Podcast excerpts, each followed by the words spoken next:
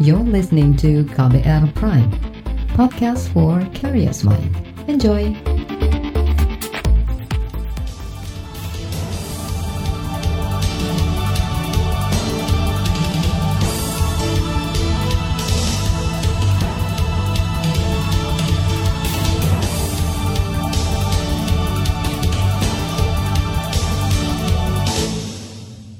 Selamat pagi saudara, kembali kami menjumpai Anda melalui program Buletin Pagi edisi Kamis 21 Mei 2020 bersama saya Don Brady.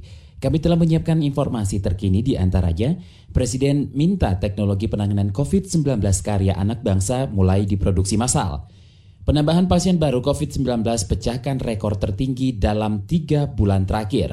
Transpuan Semarang jadi korban persekusi aparat. Inilah Buletin Pagi selengkapnya terbaru di Buletin Pagi. Saudara Presiden Joko Widodo meminta penemuan atau hasil riset inovasi dan kreasi anak bangsa terkait alat kesehatan penanganan COVID-19 bisa terus berlanjut dan diproduksi secara massal di dalam negeri. Jokowi mengingatkan agar kerjasama dan kolaborasi perguruan tinggi, dunia usaha, industri, dan masyarakat terus disinergikan. Dengan begitu, karya anak bangsa bisa memenuhi kebutuhan tanah air, bahkan bisa diekspor ke mancanegara. Saya sangat optimis bahwa hal-hal yang dulunya tidak pernah kita pikirkan dan kita hanya import, sekarang ini kita bisa mandiri karena kita bisa produksinya sendiri. Dan lebih dari itu kita juga harus mampu menghasilkan vaksin sendiri. Saya gembira lembaga Exman sudah mendapatkan data mengenai tujuh urutan genom, genom lengkap virus yang sangat berguna untuk pengembangan vaksin Presiden Jokowi turut menekankan Indonesia juga harus mampu menghasilkan vaksin COVID-19 sendiri berdasarkan genom virus yang terdapat di dalam negeri. Presiden juga menyampaikan kegembiraannya bahwa komunitas peneliti terus bekerja menemukan obat dan terapi yang efektif bagi pengobatan COVID-19. Salah satu temuan anak bangsa adalah rapid test atau alat pemeriksaan cepat. Ketua Sub Gugus Tugas dan Inovasi Teknologi Penanganan COVID-19 non-PCR, Irfan mengatakan, rapid test buatan lokal itu bisa melaporkan hasil pemeriksaan spesimen COVID-19 dalam tempo 5 menit. RDT antibody IgG-GM ini uh, mampu mendeteksi secara cepat keberadaan virus COVID-19 dalam waktu 5 sampai 10 menit sehingga cukup dengan meneteskan darah dan atau serum pada RDT IgG-GM dan ADT ini didesain menggunakan platform imunokromatografi yang berbasiskan virus vokal sehingga diharapkan lebih sensitif dan lebih spesifik. Ketua Sub Gugus Tugas dan Inovasi Teknologi Penanganan COVID-19 Irfan menambahkan selain peralatan rapid test, konsorsium peneliti dari BPPT bersama akademisi dan industri juga mengembangkan antigen dengan menggunakan microchip. Antigen itu diklaim bisa mendeteksi 8 sampel dari hasil pemeriksaan swab dan cairan tenggorokan. Antigen ini akan diuji coba pada akhir Juli mendatang. Selain itu, inovasi lain adalah teknologi kecerdasan buatan untuk mendeteksi COVID-19 melalui pemeriksaan CT scan paru dan sinar X. Sementara itu, Menteri Riset dan Teknologi Bambang Brojonegoro mengklaim ada kemajuan besar dari para ilmuwan dan peneliti dalam negeri yang sedang mengembangkan teknologi untuk menangani wabah COVID-19.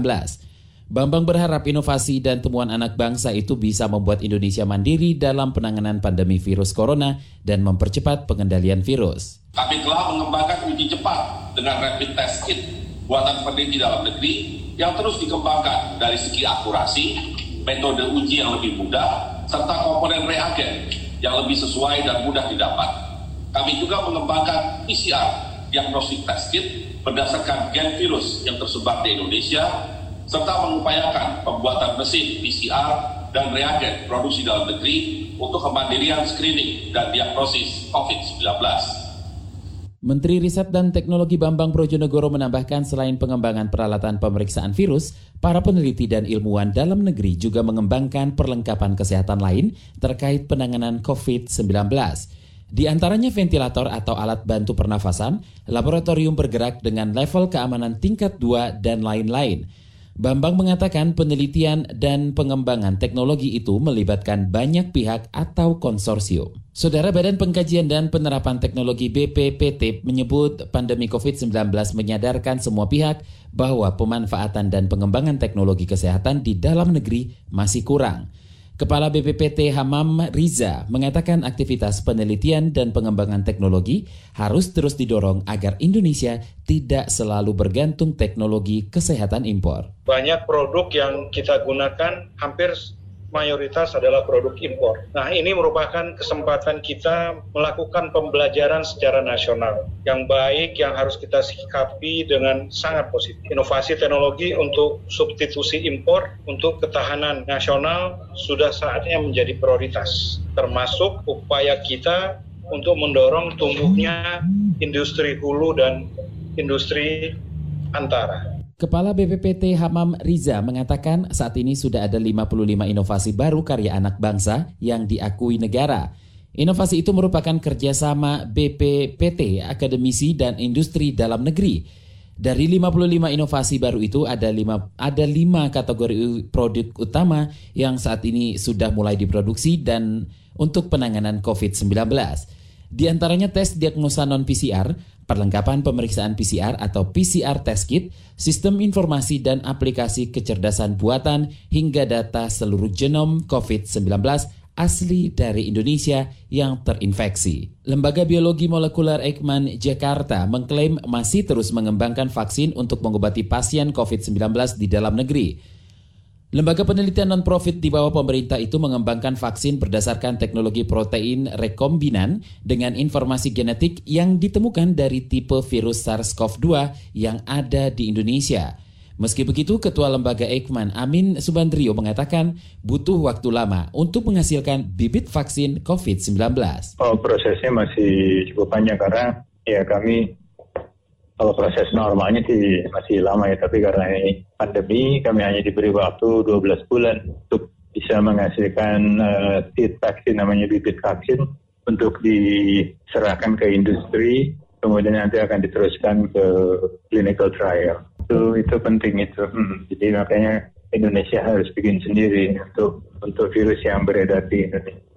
Ketua Lembaga Biologi Molekuler Eijkman Amin Subandrio mengatakan Indonesia harus mampu memproduksi vaksin COVID-19 sendiri. Menurut Amin, Indonesia tidak boleh bergantung pada luar negeri. Apalagi jumlah penduduk Indonesia sangat banyak sehingga jika harus memesan vaksin COVID-19 dari luar negeri membutuhkan biaya yang sangat besar. Yusuf Kala sampaikan kunci bangkit dari pandemi COVID-19. Informasinya usai jeda, tetaplah di Buletin Pagi KBR. You're listening to KBR Pride, podcast for curious mind. Enjoy!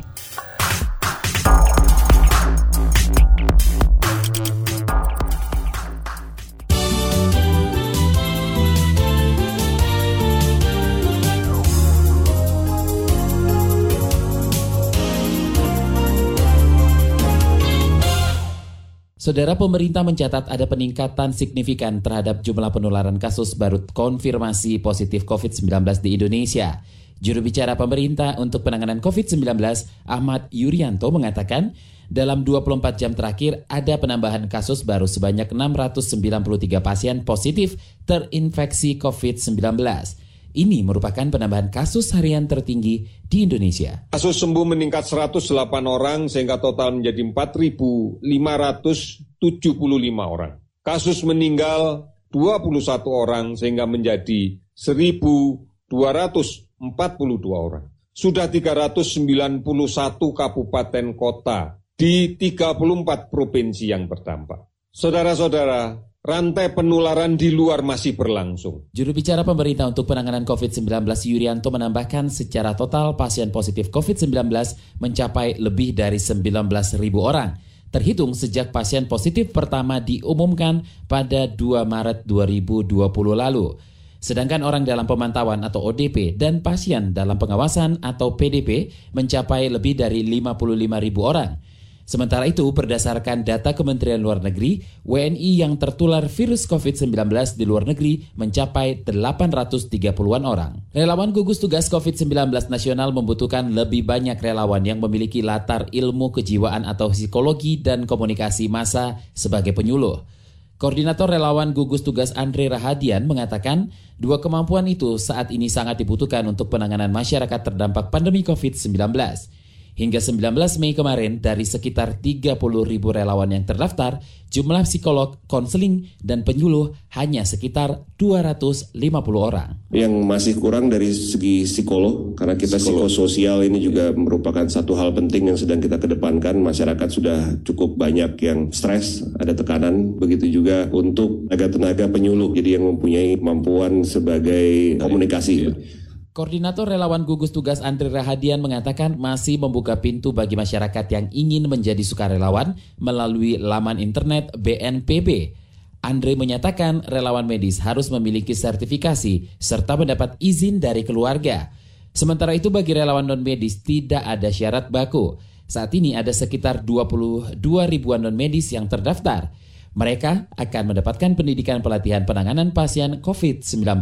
Mahkamah Konstitusi akan memutuskan kelanjutan permohonan uji materi peraturan Presiden pengganti Undang-Undang atau Perpu kebijakan penanganan pandemi virus corona melalui rapat permusyawaratan hakim. Ketua Mahkamah Konstitusi Anwar Usman mengatakan nantinya akan ada pemberitahuan apa saja hasil rapat permusyawaratan hakim MK melalui kepaniteraan. Sekali lagi, bagaimana kelanjutan dari permohonan ini baik pemohon nomor 23 maupun nomor 24 termasuk kuasa presiden tinggal menunggu surat pemberitahuan dari mahkamah melalui kepanitraan. Dengan demikian sidang selesai dan ditutup. Itu tadi Ketua Mahkamah Konstitusi Anwar Usman. Kemarin MK menggelar sidang lanjutan gugatan Perpu Corona. Dalam persidangan itu, Menteri Keuangan Sri Mulyani mewakili pemerintah menegaskan Perpu itu sudah disahkan DPR menjadi undang-undang sehingga tidak bisa digugat. Sementara perwakilan penggugat Kurniawan Adi Nugroho mempertanyakan keabsahan pengesahan Perpu menjadi undang-undang. Penggugat meminta pemerintah memberi bukti nyata di persidangan seperti adanya surat presiden untuk pembahasan Perpu ke DPR. Kita ke informasi ekonomi, target pertumbuhan industri makanan dan minuman tahun ini dipastikan merosot jauh akibat dihantam pandemi COVID-19. Pada tahun lalu pertumbuhannya mencapai 7,95 persen, namun tahun ini diperkirakan hanya tumbuh 4 sampai 5 persen. Ketua Umum Gabungan Pengusaha Makanan dan Minuman Seluruh Indonesia atau GAP MMI, Adi Lukman mengatakan lesunya konsumsi masyarakat memperburuk pertumbuhan industri makanan dan minuman. Kita perkirakan pertumbuhan kita secara total untuk F&B industri, kita tidak mungkin mencapai normal seperti tahun lalu, kita tumbuh 7,95, Q1 kita tumbuh hanya 3,94. Nah, perkiraan kami dengan berbagai alasan, kita perkirakan pertumbuhan 2020 kemungkinan hanya mencapai 4 sampai 5 persen, di mana awalnya pada masih Februari kami masih optimis bisa 8 sampai 9 persen. Ketua Umum GAP MMI Adi Lukman mengklaim penjualan makanan dan minuman melalui aplikasi perdagangan daring saat ini meningkat hingga 600 persen. Tapi peningkatan ini pun belum bisa menutup penurunan pendapatan dan pertumbuhan di industri makanan minuman secara keseluruhan. Kita ke mancanegara, saudara sidang internasional yang digelar Organisasi Kesehatan Dunia WHO menyepakati resolusi tentang COVID-19. Resolusi berisi permintaan evaluasi secara mandiri dan menyeluruh tentang penanganan virus corona. Sidang diikuti secara telekonferensi oleh seluruh negara peserta Forum Majelis Kesehatan Dunia yang berakhir Selasa kemarin. Sementara itu, Menteri Luar Negeri Indonesia Retno Marsudi mengatakan resolusi itu juga mencantumkan pemerataan akses bagi semua negara dengan harga terjangkau dan tepat waktu untuk produk kesehatan, termasuk obat-obat dan vaksin COVID-19. Namun tidak seperti pemberitaan sebelumnya, resolusi itu tidak mencantumkan tujuan penyelidikan atau investigasi independen terhadap penyebaran COVID-19. Sebelumnya Amerika Serikat menuding virus corona penyebab COVID-19 berasal dari laboratorium di kota Wuhan, Tiongkok. Namun pemerintah Tiongkok membantah tuduhan itu. Laporan khas KBR tentang geliat usaha kecil bertahan di tengah pandemi akan hadir usai jeda tetaplah di Buletin Pagi KBR. You're listening to KBR Pride, podcast for curious mind. Enjoy!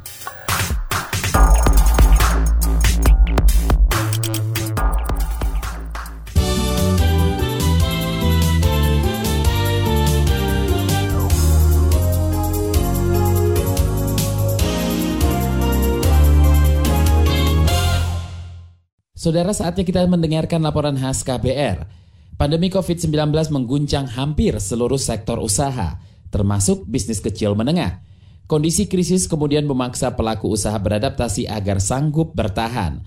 Seperti apa strategi mereka? Simak laporan yang disusun tim KBR dibacakan Astri Yuwanasari. Sore itu, empat karyawan Gerai Haji Tako di Mampang, Jakarta sibuk menyiapkan pesanan buka puasa. 100 porsi untuk tenaga medis di Rumah Sakit Pusat Angkatan Darat RSPAD Gatot Subroto harus kelar sebelum pukul 5 sore. Sang pemilik gerai Mahadir Hussein dan istrinya Mitra Wulandari pun ikut turun tangan. Mereka bersyukur masih bisa bertahan di masa pandemi meski omset anjlok tajam. Masih bisa walaupun tidak sebesar kalau nggak ada COVID. Sekarang tidak 50 persen. Haji Tako fokus menggarap pasar penyuka cemilan khas Jepang. Usaha ini didirikan 2017 silam dan sudah memiliki dua gerai. Namun sejak pandemi, Haji Tako terpaksa hanya membuka satu gerai saja. Sebagian karyawan pun mesti dirumahkan. Terakhir sebelum corona kemarin sisa 9, terus kita sempat uh, tutup sejenak pas awal-awal social distancing itu jadi setelah kita liburkan yang empat nggak bisa balik lagi karena dia udah keburu pulang kampung disuruh keluarganya pulang takut nggak bisa mudik waktu itu. Jadi hmm. sekarang tinggal lima. Nah, terus kemarin waktu ada apa larangan mudik bulan puasa satu pulang lagi ke Wonosobo. Jadi sekarang sisa empat yang sekarang ditahan. Mahadir mencari cara agar bisnisnya tetap berputar. Ia menangkap peluang itu di tengah menjamurnya penggalangan donasi bagi tenaga medis COVID-19. Haji Tako kemudian membuka order makanan yang disumbangkan untuk tenaga kesehatan di rumah sakit rujukan. Menggalang dana kepada eh, teman-teman, kenalan dan juga customer. Kebetulan kami juga ada sosmednya di Instagram juga. Kami sebarkan dengan 17 ribu bisa memberikan porsi chicken karage untuk eh, tenaga kesehatan di rumah sakit dan awalnya rumah sakit Kemudian setelah itu ada mes tenaga kesehatan yang ada di hotel-hotel BUMD Jakarta itu juga menerima. Terus juga Wisma Atlet juga menerima. Akhirnya kita salurkan ke situ rumah sakit, hotel tenaga kesehatan dan uh, rumah sakit darurat di Wisma Atlet. Nah alhamdulillah sejak itu ya lumayan tuh terus-terusan ada yang donasi. Saban hari Haji Tako melayani sekitar 50 hingga 250 porsi. Mahadir memastikan gerainya menerapkan protokol kesehatan yang ketat untuk mencegah COVID. Karyawan juga diwajibkan menjaga kebersihan saat masuk hingga pulang kerja. Semua karyawan juga kita wajibkan pakai masker. Eh, yang laki-laki itu wajib tidur di kios gitu di atas di kamar atas itu kan ada kamarnya wajib jadi dia nggak ke mana-mana tetap di sini aja. Kalau yang perempuan karena rumahnya dekat di sini datang pun kita minta mandi terus pulang juga sebelum pulang ke rumah mandi jadi di sini kita proteksi banget kita jaga banget kebersihannya. Mahadir mengaku tak banyak laba yang bisa dikantongi namun ia memilih tetap buka untuk mempertahankan bisnis. Selain itu, karyawan juga bisa menikmati gaji dan tunjangan hari raya. Ya, alhamdulillah rezekinya dari situ, walaupun memang kalau dihitung-hitung labanya tipis. Kalau buat kami yang penting, prinsip kami kontrakan masih bisa dibayar, karyawan masih bisa gajian, masih bisa dapat THR, itu dulu. Nanti setelah corona kita lihat lagi seperti apa cara bertahannya. Gitu. Untuk COVID ini kan itu jarang produksi karena peminatnya agak menurun dan harga berambang pun juga agak naik. Jadi nggak seimbang. Usaha bawang goreng kemasan yang baru dirintis dia juga ikut seret di terpa pandemi. Ia baru memulai usaha ini awal Februari lalu. Prospeknya pun terlihat menjanjikan.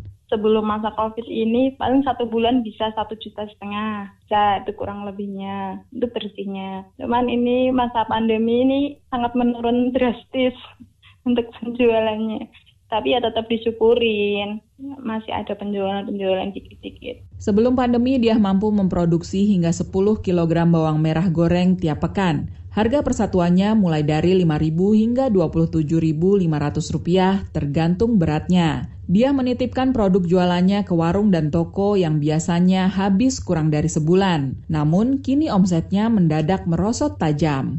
Masih produksi cuma sesuai processing order aja. Biasanya 7 sampai 10 kilo ini 5 kilo enggak habis. Dia membuka layanan pemesanan via daring melalui aplikasi WhatsApp. Pesanan akan diantar menggunakan transportasi online. Strategi ini untuk memperluas pasar sekaligus menjaga denyut bisnis barunya. Untuk sementara ini kan itu ya saya online juga aktif Jadi kadang saya paket-paketin Gojek gitu, good grade selama pandemi ini. Kalau memang pembelinya banyak, saya subsidi. Cuman kalau memang sedikit, ya saya bebankan di pembeli. Demikian laporan yang disusun tim KBR, saya Astri Yuwanasari. Informasi dari daerah akan kami sajikan usai jeda, tetaplah di Buletin Pagi KBR. You're listening to KBR Pride, podcast for curious mind. Enjoy!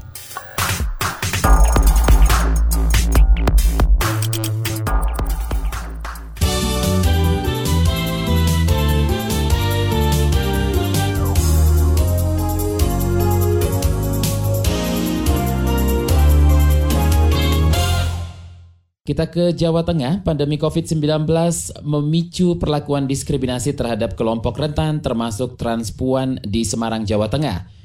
Perwakilan Persatuan Waria Semarang atau Pewaris, Hani, mengungkapkan salah seorang transpuan berprofesi sebagai pengamen jalanan mendapat tindakan diskriminasi dari petugas Satpol PP yang berujung persekusi. Iya, dua kali yang dilakukan sama Satpol PP. Yang pertama itu yang ditelanjangi itu beda orang juga. Terus yang kedua kebetulan Mbak Rina itu yang waktu lagi ngamen di lampu merah dia apa ditangkap satpol pp terus langsung digundulin. Hmm. disuruh buka baju ternyata langsung digundulin. Dan terus dia disamakan sama kayak gelandangan gitu. Jadi kayak jangan samakan kayak gitulah. Kan kasihan juga gitu loh Gubernur DKI Jakarta Anies Baswedan mengklaim PSBB di ibu kota sudah bisa mengendalikan penularan COVID-19 sehingga tidak meningkat. Berdasarkan data Fakultas Kesehatan Masyarakat Universitas Indonesia, sebelum ada PSBB angka penularan COVID-19 di Jakarta mencapai poin 4. Artinya, satu orang bisa menularkan COVID-19 ke empat orang. Usai PSBB dilaksanakan, angka penularan turun ke 1,1.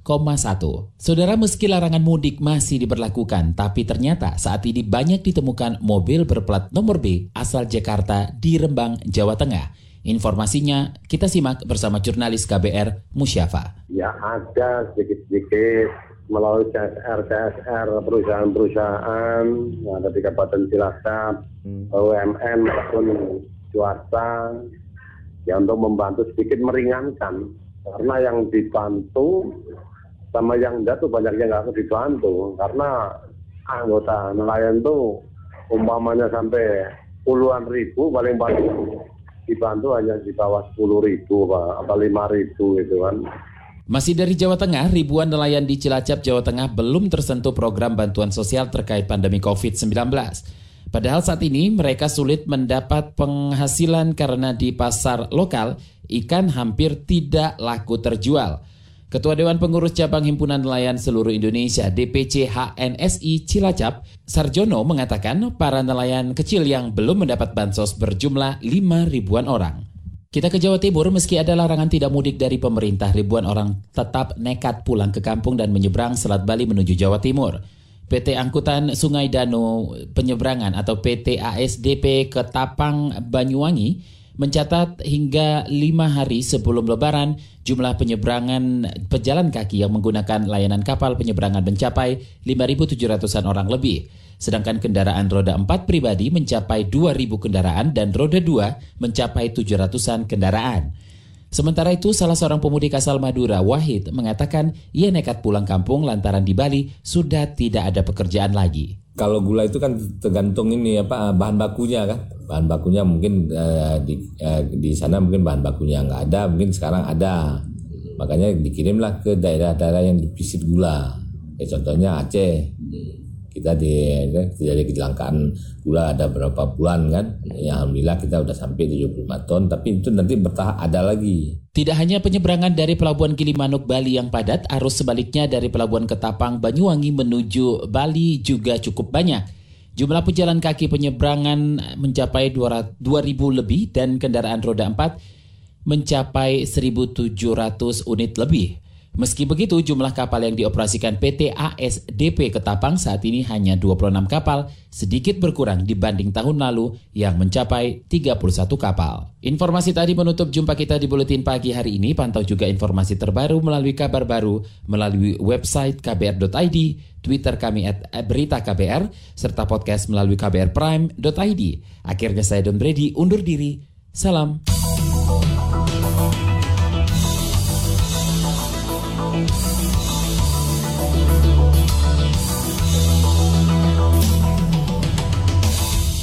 KBR Prime, cara asik mendengar berita. KBR Prime, podcast for curious mind.